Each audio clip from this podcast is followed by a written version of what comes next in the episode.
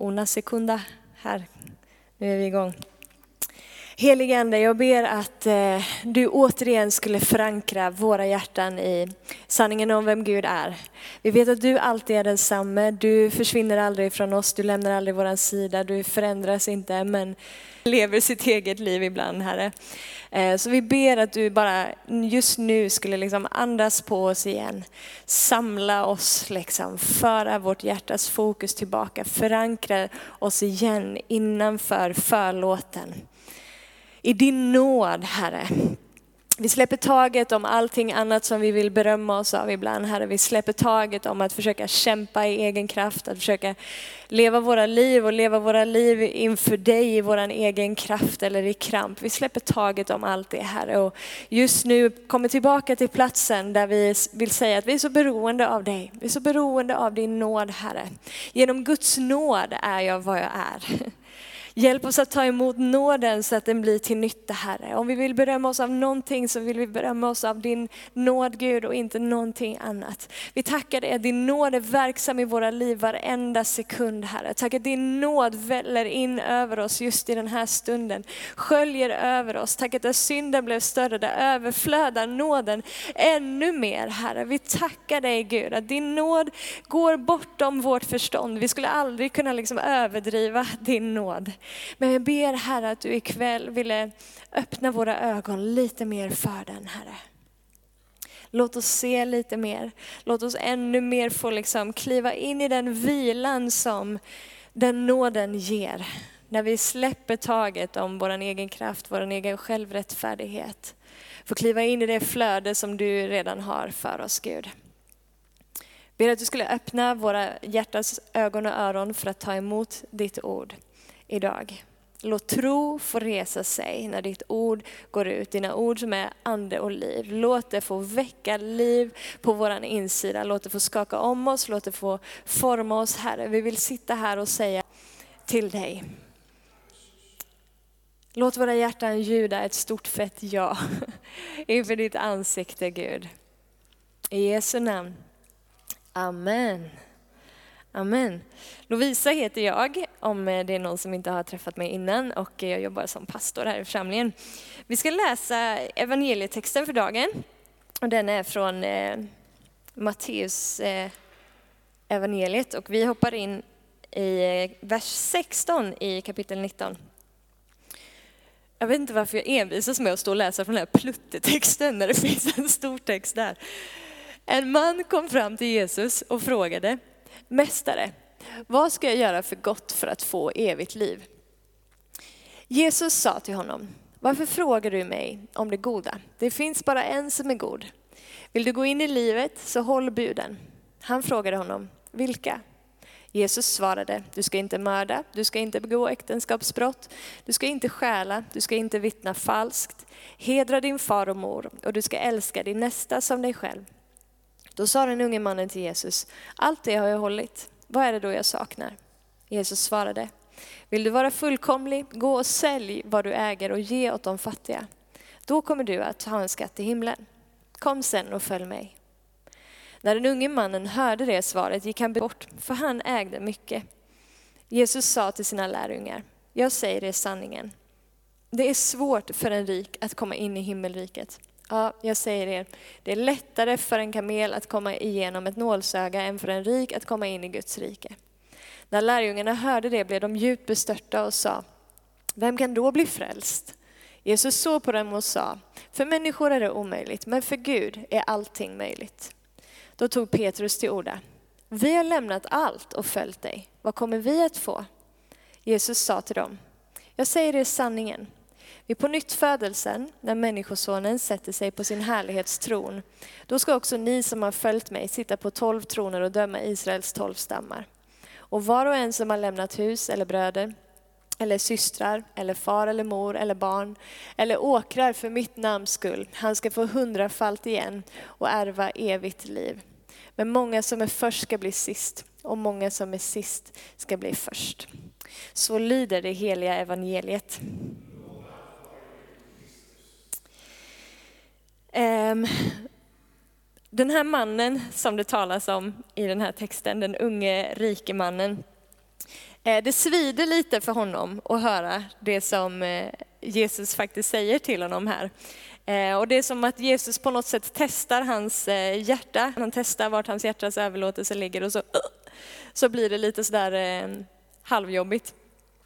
Ehm, hur som helst, jag tänker på vi ska gå tillbaka till att prata mer om den mannen, men jag, jag, tänker lite på Petrus reaktion i den här texten. Jag tycker han är så skön, för det speglar oss väldigt mycket många gånger tror jag. Eh, för att, eh, mannen frågar Jesus, vad ska jag göra för att vinna evigt liv? Och så säger Jesus att ja, men du ska göra det här. Gå och sälj allt vad du äger och sen kan du komma och följa mig. Och då ska du få en skatt i himlen. Och då är det som att Petrus vaknar och bara, men ska han få en skatt i himlen? Vad ska vi få då? Vi har ju lämnat allt och följt dig. Och han får en skatt i himlen. Vad är hela världen? Vad ger du till oss då? Vi har ju gett upp så här mycket. Jag lämnade min fiskebåt, mitt fiskenät, hela liksom, min familj och följt dig. Och den här snubben kommer nu och så lovar du honom skatter. What about me? Det är nästan lite som syskonrivalitet eller bara ett avundsjukt litet barn. Liksom. Um, och ibland tror jag att vi i vår egen omognad som kristna kan reagera lite likadant. Liksom. Vi tittar på vår granne, liksom. vi tittar på vår bror eller, eller syster som helt plötsligt får ta emot massa välsignelser från Gud eller som bara får superhärliga uppenbarelser eller superhärliga gudsmöten eller liksom Guds favör bara vilar över den personen eh, på ett förunderligt sätt och bara, men Gud, jag då? Jag har ju gjort allt det här för dig. Liksom. Har inte du tänkt på hur mycket jag lämnat för din skull? Har inte du tänkt på hur hårt jag har jobbat? Har inte du tänkt på hur trogen jag har varit i det här? Vad får jag? Det är en ganska jobbig plats att vara på i sitt hjärta, men jag tror jag hamnar där ibland. Så glömmer jag liksom bort på något vis vad, eh, vad som redan har blivit mig givet, vad jag redan har och att vi alla har samma utgångspunkt, samma startpunkt i Gud från början. I alla fall, den här mannen, den unge rike mannen, han, han kommer med rätt fråga liksom, inför Jesus. Men kanske med fel motiv. Åtminstone så är det någonting i hans hjärta som blir avslöjat och som blir uppenbarat när Jesus börjar trycka på lite knappar i honom. Eh, han säger, vad ska jag göra? Vinna evigt liv. Och Jesus pratar först liksom, du ska hålla buden och det här och det här. Ja, men allt det har jag gjort. Vad ska jag göra för att vinna evigt liv? Ja, men gå och sälj allt vad du äger och ge åt de fattiga. Och sen kommer du och följer mig. Och helt plötsligt så blir det inte riktigt lika intressant för den här mannen att vinna det här eviga livet som han har ställt frågan om. För Jesus har träffat en punkt i hans hjärta som sved så otroligt mycket. Så han går därifrån bedrövad. Vi vet ju inte vad som händer sen, liksom, nästa timme eller näst, några dagar senare. Det förtäljer inte historien, men i, i den stunden så står det liksom att mannen går därifrån och han är bedrövad. Och vi kan ju anta då liksom att, han, att han inte gjorde vad Jesus sa. Um, men det är som att han, han kommer med de fina orden. Liksom. Han har lärt sig språket inför Gud. Liksom. Han, han verkar ganska from inför honom. Och liksom, vad kan jag göra? Och liksom, jag, vill, jag vill göra allt för jag vill ju vinna det eviga livet. Men Jesus ser igenom hjärtat och han vet vart i hans hjärta som den ömma tån är hos den här mannen. Och den ömma tån hos den här mannen med materiell rikedom att göra. Han ägde mycket, eh, säger texten. Och att hans kärlek till det som han ägde visade, visade sig vara så stor att han hade svårt att släppa taget om det för att vinna det som var långt mycket mer värt. Han var inte riktigt villig att ge upp det yttre för att vinna det inre. Det som hindrar honom från att vinna det som är långt mycket mera värt och kliva in i det som, som Jesus har för avsikt att vi ska få kliva in i är girighet någonstans. Kärleken till det som hör till den här världens rikedomar, det som Bibeln kallar för, för mammon. Kärleken till det, den girigheten som Bibeln säger är avgudadyrkan. Det stod i vägen liksom. Och mannen vill inte släppa taget om det. Och Jesus trycker precis på, på de rätta knapparna. Så för den här mannen då, så var det här kanske hans, liksom, eller det här var ju hans första eh, potentiella ja till att följa Jesus. Eh, han var ju inte frälst ännu. Liksom. Så det här var liksom en inbjudan till honom att säga första ja och överlåta sig till att följa Jesus, släppa taget om allt annat som han höll fast vid för att gå Jesu väg. Och jag tänker att den här berättelsen, som i det här fallet var hans första ja, ändå är någonting som symboliserar processen som, som vi som lärjungar lever med hela tiden i vår efterföljelse till Jesus. Vi säger vårt, vårt första ja till att följa honom en gång, men sen följs det jaet av hundratals ja, eller tusentals ja, beroende på hur länge vi hinner leva med Gud på den här jorden. Liksom.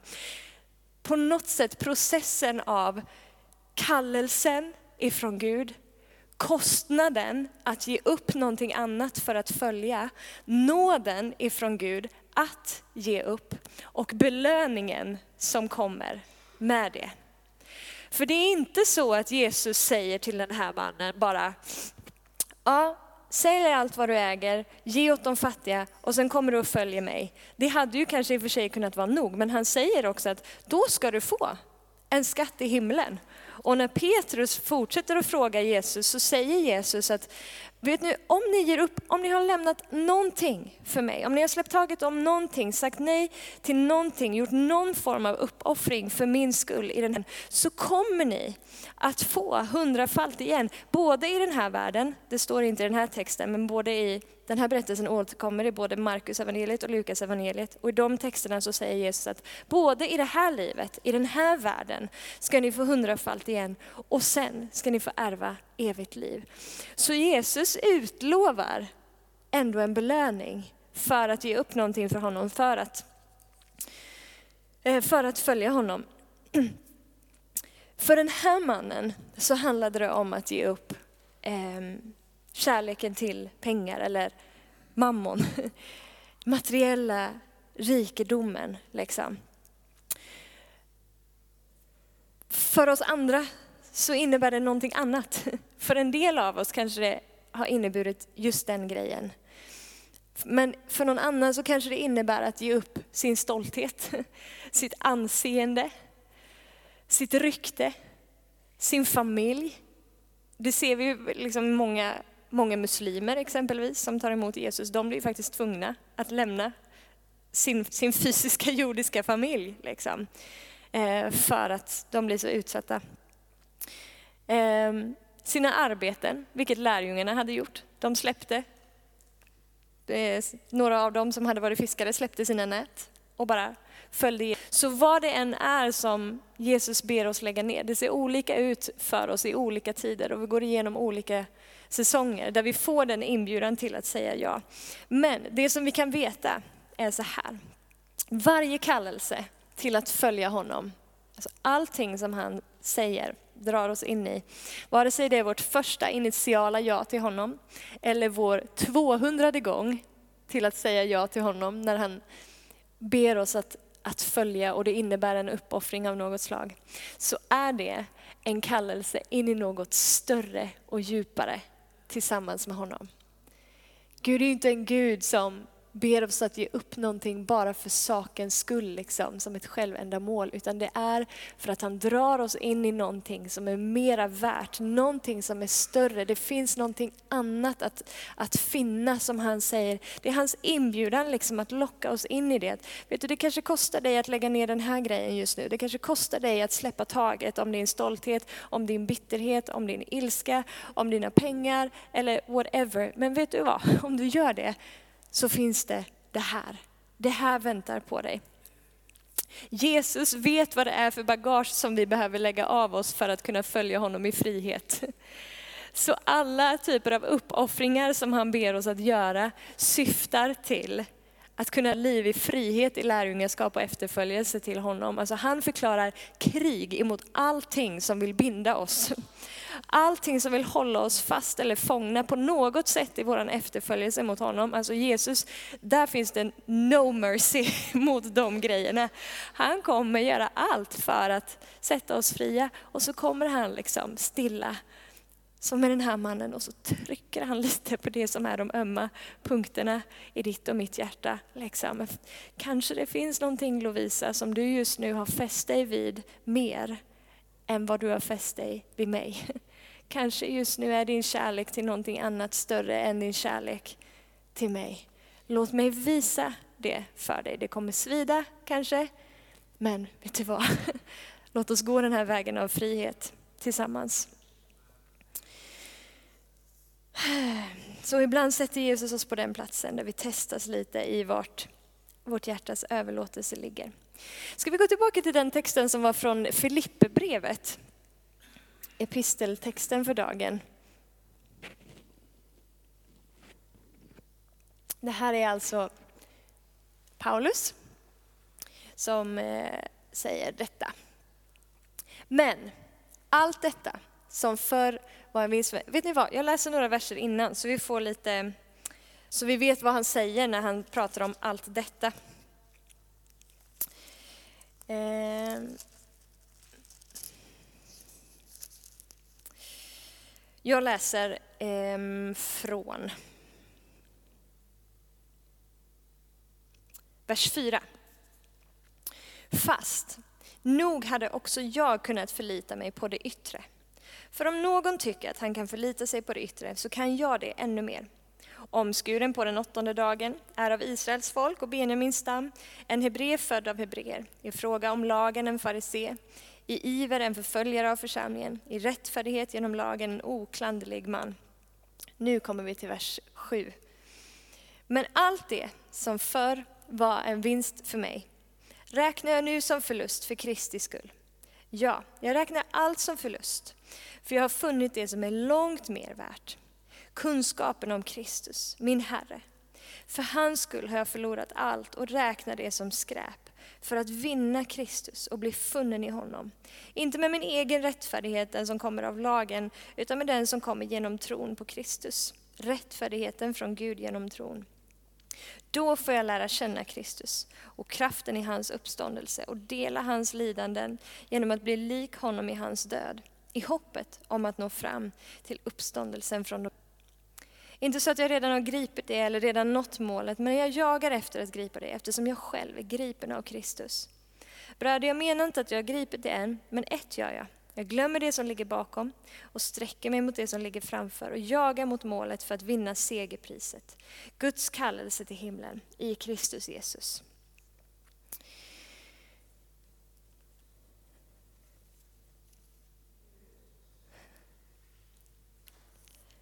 Paulus visste vad det var att ha lämnat allting annat bakom sig. Han som hade så mycket kunskap att hålla fast vid kunde berömma sig av, utifrån lagens sätt, av allt liksom. Hela checklistan. Och han säger, jag lämnar det. För det finns någonting som är långt mycket mera värt. Och det är att finna kunskapen om Kristus. Och han pratar inte bara om liksom kunskap här, att jag vet massa saker om Gud, för det var ju det han hade gjort innan. Han hade redan kunskapen, så den kunskapen om Kristus som han pratar om att han har vunnit här, är den erfarenhetsmässiga upplevelsen, liksom livet tillsammans med Gud. Den kunskapen om Kristus, kunskap, erfarenheten om att ha blivit liksom gripen av hans nåd och insett att allt det där andra som jag försökte berömma mig av och hålla fast vid och hålla som mina liksom ledstänger i livet, de är liksom ingenting. Och när han hade fattat det så fattade han också att jag vill inte gå tillbaka. Han fick lägga ner det yttre för att vinna det inre, det bestående och det äkta. Den resan behöver vi också gå som lärjungar. Och Gud är överlåten till att ta oss på den resan för att leda oss ut i frihet. Eh, Abraham, alltså vi ser ju exempel på folk som har fått liksom, Guds kallelse, får lämna någonting, ser vi ju genom hela Bibeln. Men Abraham är ju också ett sådant exempel. Gud kallar honom eh, till ett land som flödar av mjölk och honung, det förlovade landet. Han säger, det här är vad som väntar dig det här har jag förberett. Jag säger inte ännu vart det är någonstans, men det finns någonting för dig som är bättre än det som du har nu. Men om du ska få det här, då måste du lämna det här först. Här kan du inte bli bekväm, här kan du inte vara kvar, liksom, utan nu lämnar du ditt land för att gå till det som jag ska visa dig.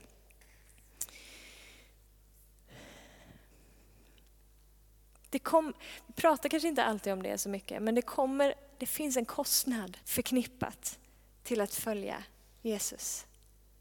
Men kostnaden kommer aldrig utan nåden. Att också betala det priset. Ibland så är det Gud som kallar dig att ge upp någonting.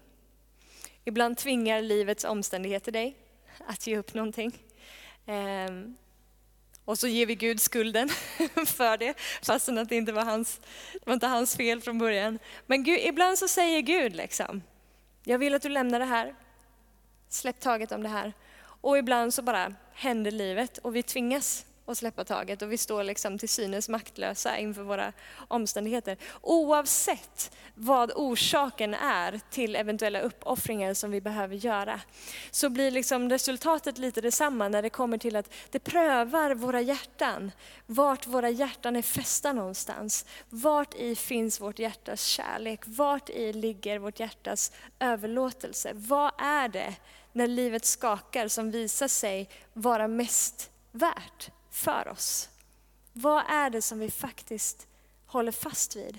Kanske är det så att Gud ibland liksom bara låter saker och ting hända för att föra oss till den platsen igen där vi får inse vårt hjärtas djupaste längtan. Liksom att jag trodde att jag längtade efter allt det här, jag trodde att jag behövde ha det.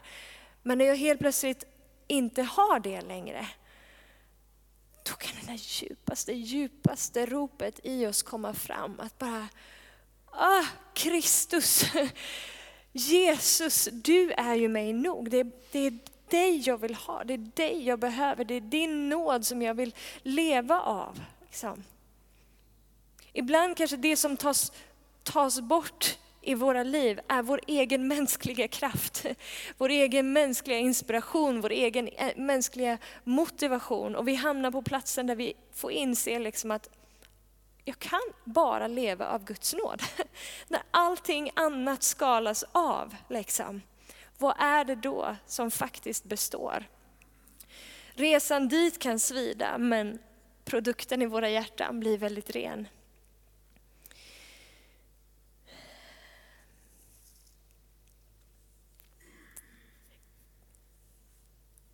Så vart tar ditt hjärta vägen? Liksom? När livet ibland smärtar, när, när uppoffring liksom händer. Kan vi lita på, när vi befinner oss på den platsen i våra liv, kan vi lita på att Guds plan för våra liv är bättre än vad min egen plan var för mitt eget. Att det som jag tyckte att jag hade tänkt ut var så bra och det som jag behövde, som den här mannen till exempel, han tänker ju någonstans, jag behöver de här materiella ägodelarna mer än vad jag behöver Jesus. Eftersom att han inte ville släppa taget om det här för att följa Jesus. Men kan jag lita på att det som Jesus säger, när han säger kom och följ mig och jag vill att du ska lägga ner det här. Eller när livet tvingar oss att lägga ner någonting. Kan vi lita på att det som Gud har för oss är bättre än det som vi hade?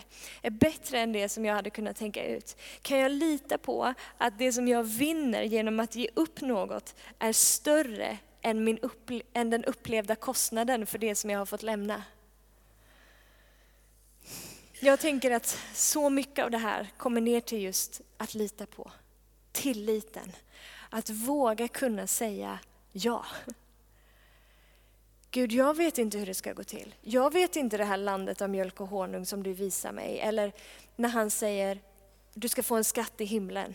Eller du ska få hundrafalt igen. Jag vet inte hur det kommer se ut. Jag vet inte vad det är. Jag vet inte vad det innebär.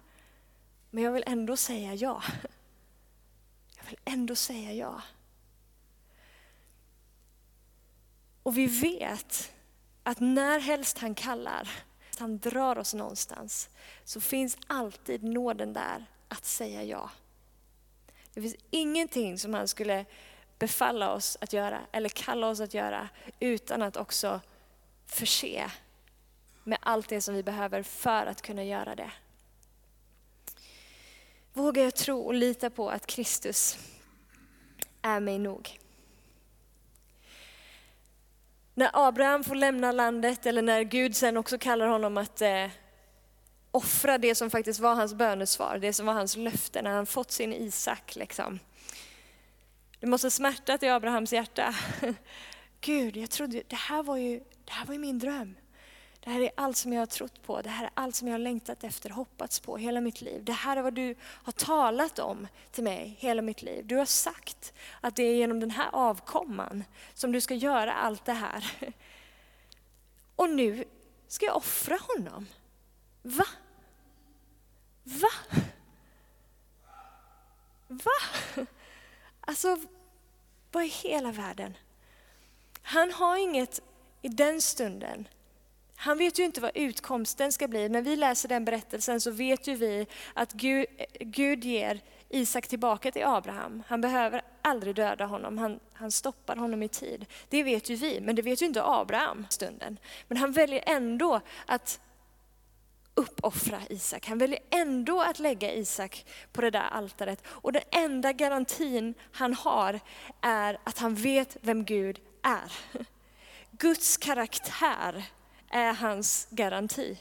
Inte liksom de, den praktiska utkomsten, inte resultatet, men Guds personlighet, Guds karaktär är vad Abraham har att förlita sig på.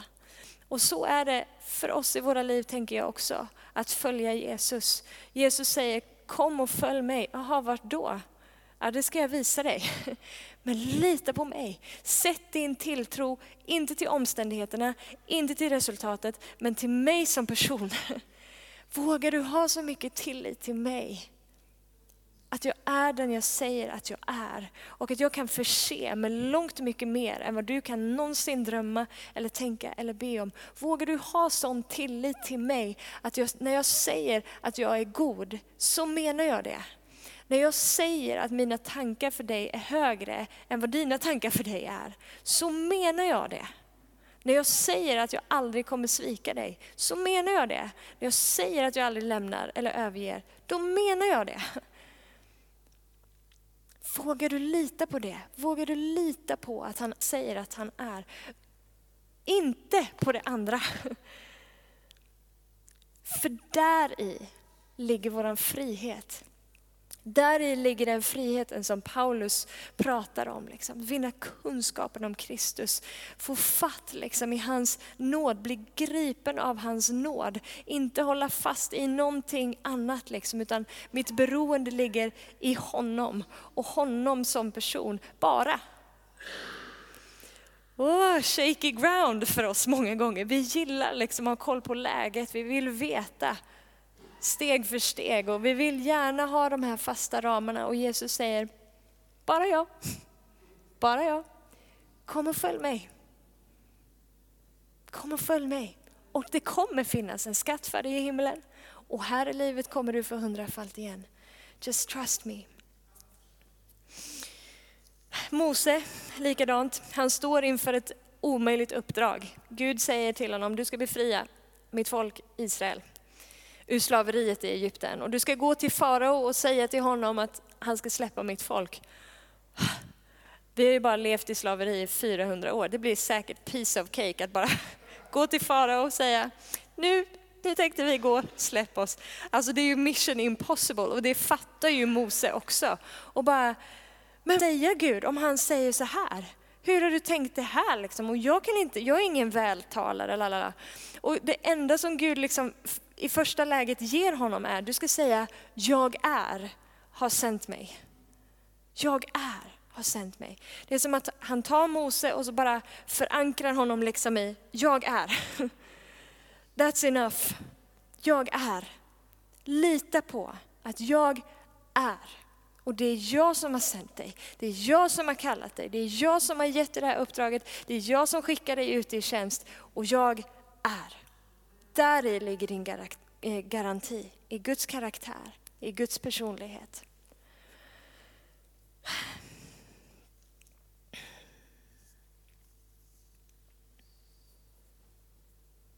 Mm.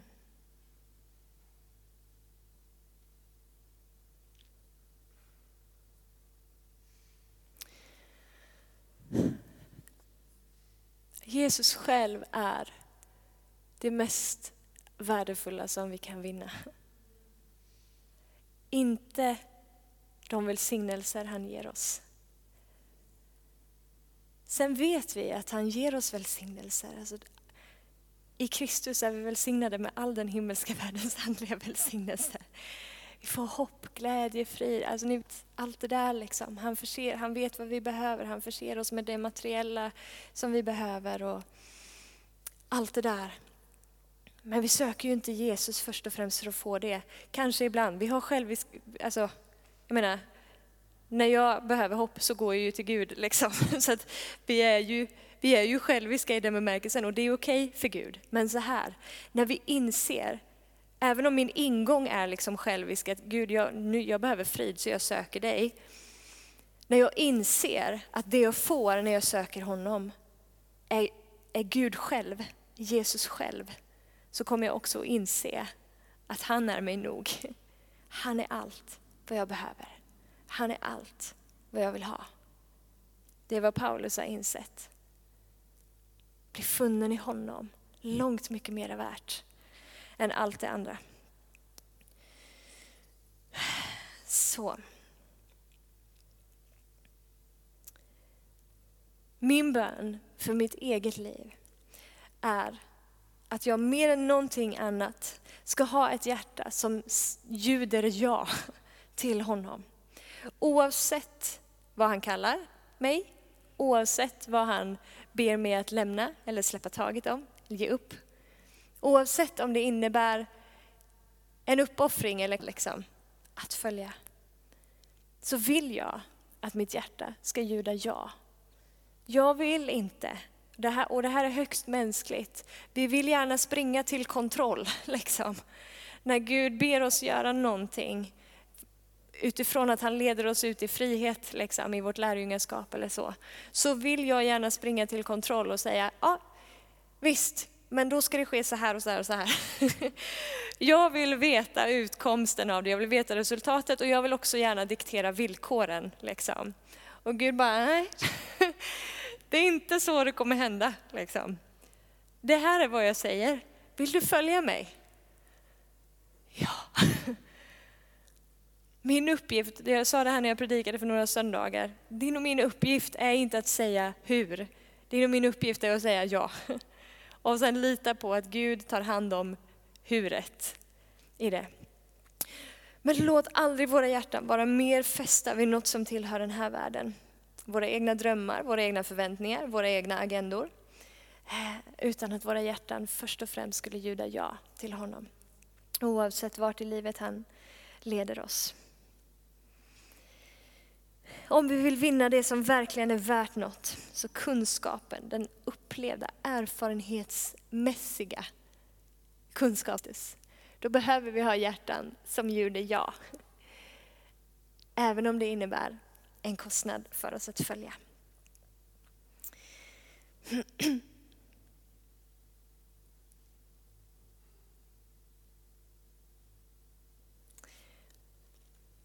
Nu har vi pratat lite om så här, kostnad, uppoffring, eh, lägga ner grejen och liksom att, att det smärtar ibland och lidande och så här. Och man kanske inte pratar om det jättemycket. Och jag vill liksom i samma andetag, jag sa det lite i förbifarten förut, men jag vill i samma andetag som jag säger de grejerna också på något sätt inskärpa liksom att Gud är ju inte en sadistisk gud liksom, som gnuggar sina händer och bara haha, nu ska jag se hur mycket jag kan be Lovisa offra eller hur mycket lidande hon klarar att gå igenom och fortfarande säga ja till mig. Nu ska jag minsann testa henne här i hennes överlåtelse och låta henne liksom få riktigt känna på livets smärta. Det är ju inte Guds karaktär. Utan som vi sa innan, alltid när Gud ber oss lägga ner någonting för hans skull. Oavsett om det är materiell rikedom eller mitt eget ego.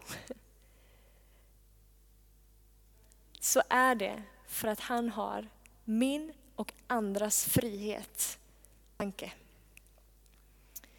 För att han vill leda mig in i någonting som är djupare med honom. För att han vill leda mig in i en djupare intimitet med honom. För att han vill leda mig in i en djupare erfarenhet och kunskap av vem han är. För att han vill leda mig in i en djupare uppenbarelse av hans nåd.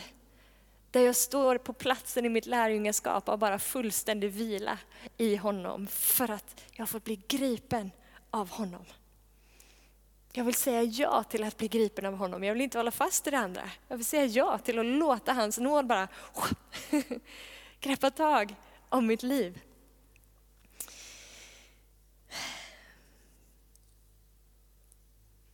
Jag vet inte riktigt hur jag ska landa det här planet. Vårt ja är inte ett resultat av vår egen duktighet eller att jag är lite extra kristen. Liksom. Alltså den här mannen som vi läste om i texten. Om han hade sagt sitt ja där till att följa Jesus så hade inte han kunnat liksom slå sig för bröstet och bara, såg ni grabbar? Minsann, jag är så himla helig. Jag sa ja till att följa Gud, såg ni här vilket pris jag har betalat här nu för att få följa dit han kallar. Alltså vi kan aldrig berömma oss av oss själva och vår egen duktighet och vår egen helighet när vi betalar något pris eller gör någonting för Gud. Det är genom hans nåd och hans nåd alena. Det är hans nåd som gör det möjligt för dig och mig att säga ja. Det är hans nåd som har berett vägen för dig och mig att faktiskt följa. Det är hans nåd som gör det möjligt för dig och mig att gensvara. Att han först liksom drabbar oss i våra hjärtan. Och därför så kan jag också gå. Förutsättningarna är de samma för oss alla. Oavsett vi är fattiga eller rika, oavsett hur mycket vi äger eller inte, så är förutsättningarna samma. Och det är att vi alla är beroende av hans nåd. För att säga vårt första ja och för att säga vårt tusende ja till honom. Låt oss lita på att allt vi har är oss givet av honom. Och att om vi ger upp något av det för hans skull så står det i hans makt att ge oss det och mångt mycket mer tillbaka. Och det kommer han också att göra. Kristus är vår belöning. Kristus är vår lön. Amen. Fader, vi tackar dig för ditt ord. Återigen så vill vi tacka dig för din nåd som verkar i våra liv. Tack att du har eh, vår frihet i åtanke hela tiden. I vår efterföljelse av dig. Eh, och varje gång som du kallar oss att eh, att följa dig, eller att ge, ge upp någonting för att följa dig, att släppa taget om någonting, så är det för att du leder oss in i någonting djupare, en djupare erfarenhet tillsammans. Vårt eget genombrott i det får också bli till andras genombrott, Herre. Eh, tack helige Ande att vi inte liksom behöver vi behöver aldrig späka oss själva eller liksom piska oss själva och gå och leta efter saker som vi kan lägga ner för din skull. Utan Helige Ande, du är vår hjälpare och du är den som talar till oss. Du är den som, som leder oss och som belyser olika områden i våra liv. Och vi, vi vill bara liksom överlåta oss till din ledning helt enkelt. Och jag ber Herre, att vi alla som, som är här idag, inklusive mig själv, att vi skulle ha hjärtan som säger ja. Att vi inte skulle göra som den här mannen gjorde som när han fick höra liksom vad han behövde göra, att han gick därifrån bedrövad. Utan att vi skulle säga ja, Gud. Ge oss modet. Tack att du gör det. Tack att det finns nåd att följa oavsett om du leder oss genom elden, om du leder oss genom liksom, strömmar, om vi är i dalen eller om vi är på bergets topp. Så är det fortfarande din nåd som vi är beroende av.